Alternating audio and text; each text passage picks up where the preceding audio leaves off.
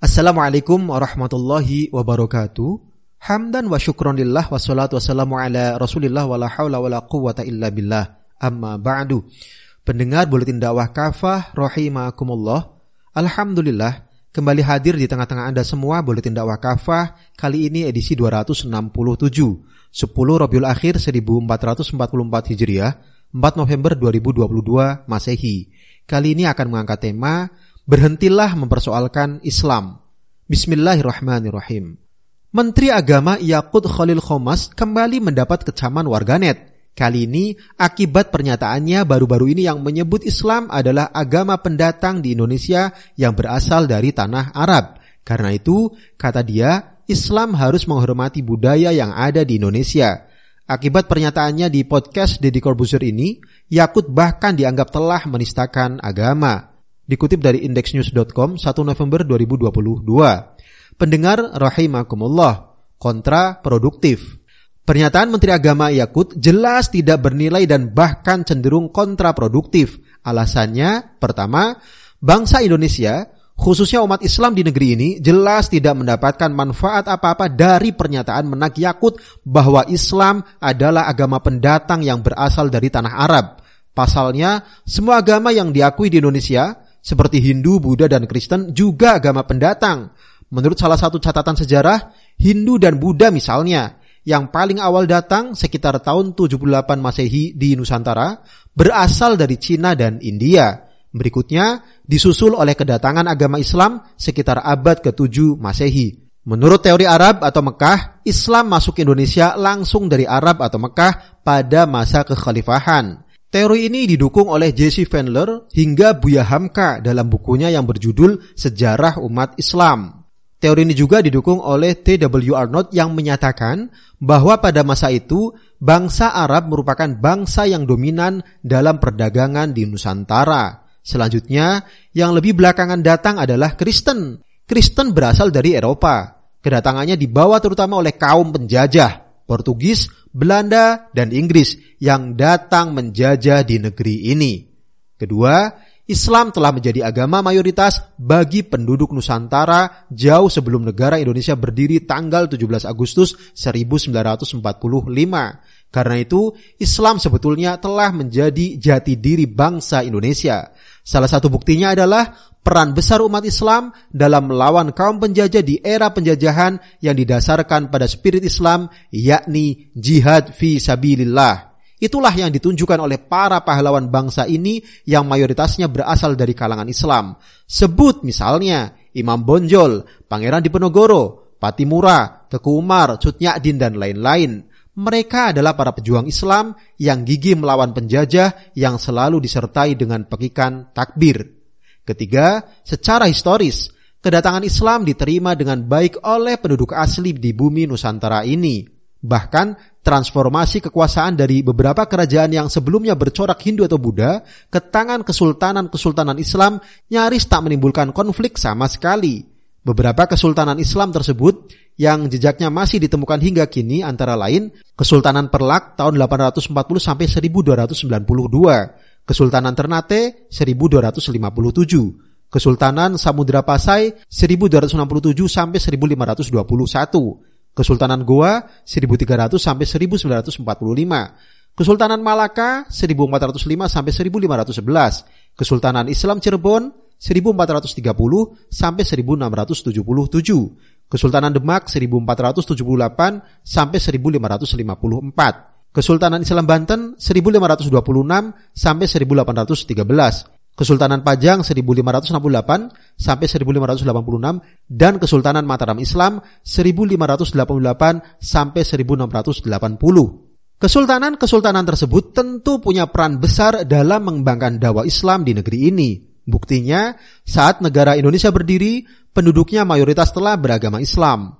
Karena itu wajar jika umat Islam memiliki peran yang amat besar terhadap negeri ini, baik sebelum Indonesia berdiri maupun setelah Indonesia berdiri, baik di era penjajahan maupun di era kemerdekaan.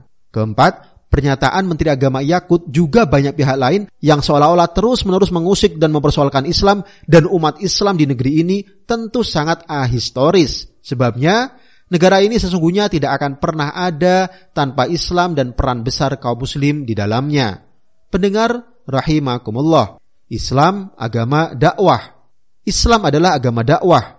Allah SWT telah mengutus Rasulullah Sallallahu Alaihi Wasallam untuk mengemban dakwah Islam ke seluruh umat manusia. Allah SWT berfirman dalam Quran surah Sabah ayat 28 Wa ma arsalnaka illa kafatan linnasi basyira wa nadhira walakinna aktsaran nasi la ya'lamun.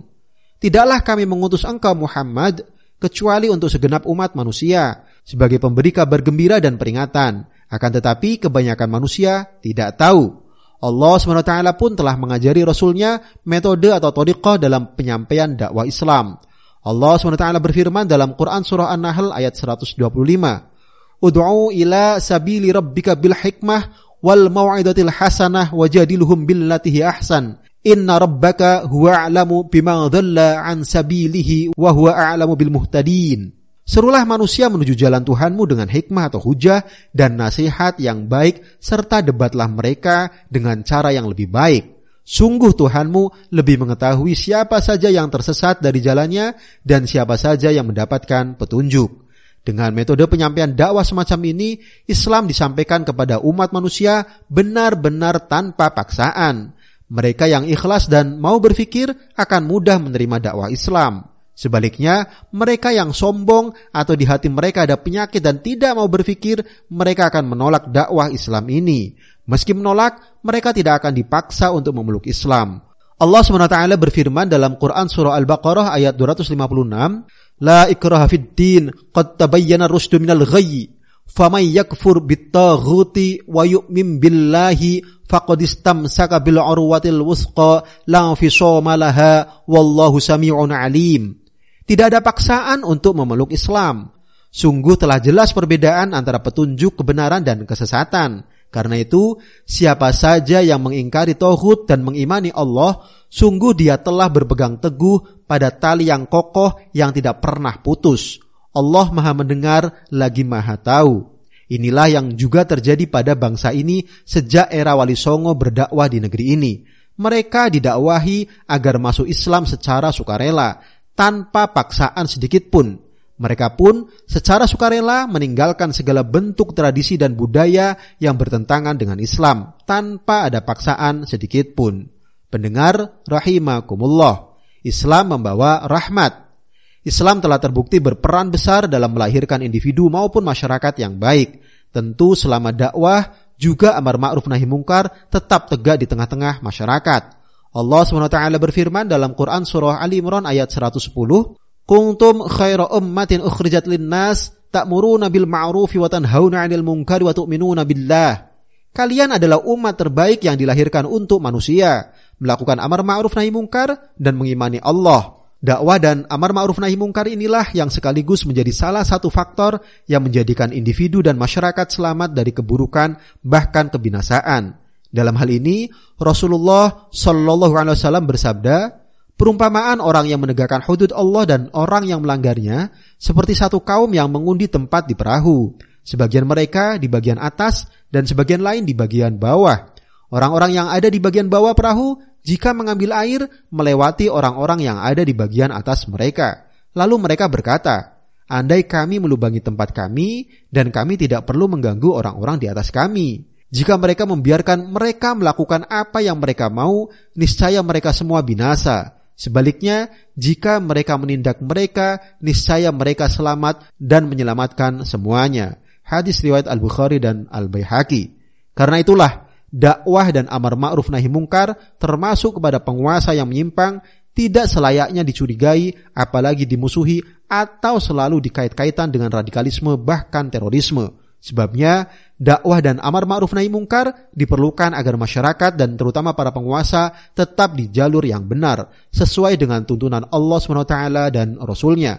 Demikian pula, dakwah yang mengajak umat dan terutama penguasa untuk menerapkan syariah Islam secara kafah di negeri ini.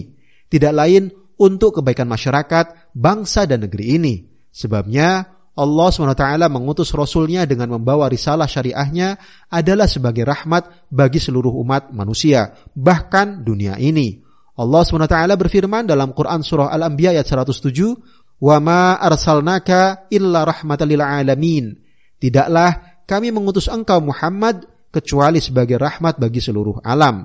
Lagi pula, penerapan syariat Islam secara kafah adalah wujud nyata dan paripurna dari ketakwaan kita kepada Allah SWT.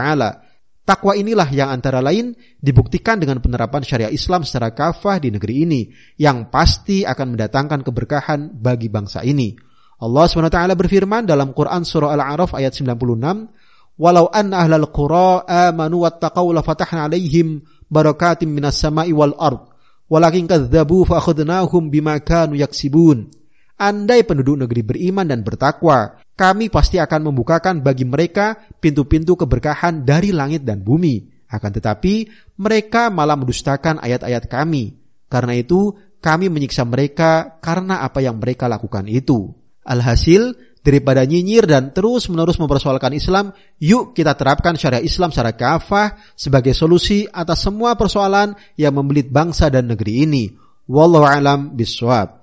Demikian materi Buletin Dakwah Kafa edisi 267. Berhentilah mempersoalkan Islam. Terima kasih. Wassalamualaikum warahmatullahi wabarakatuh.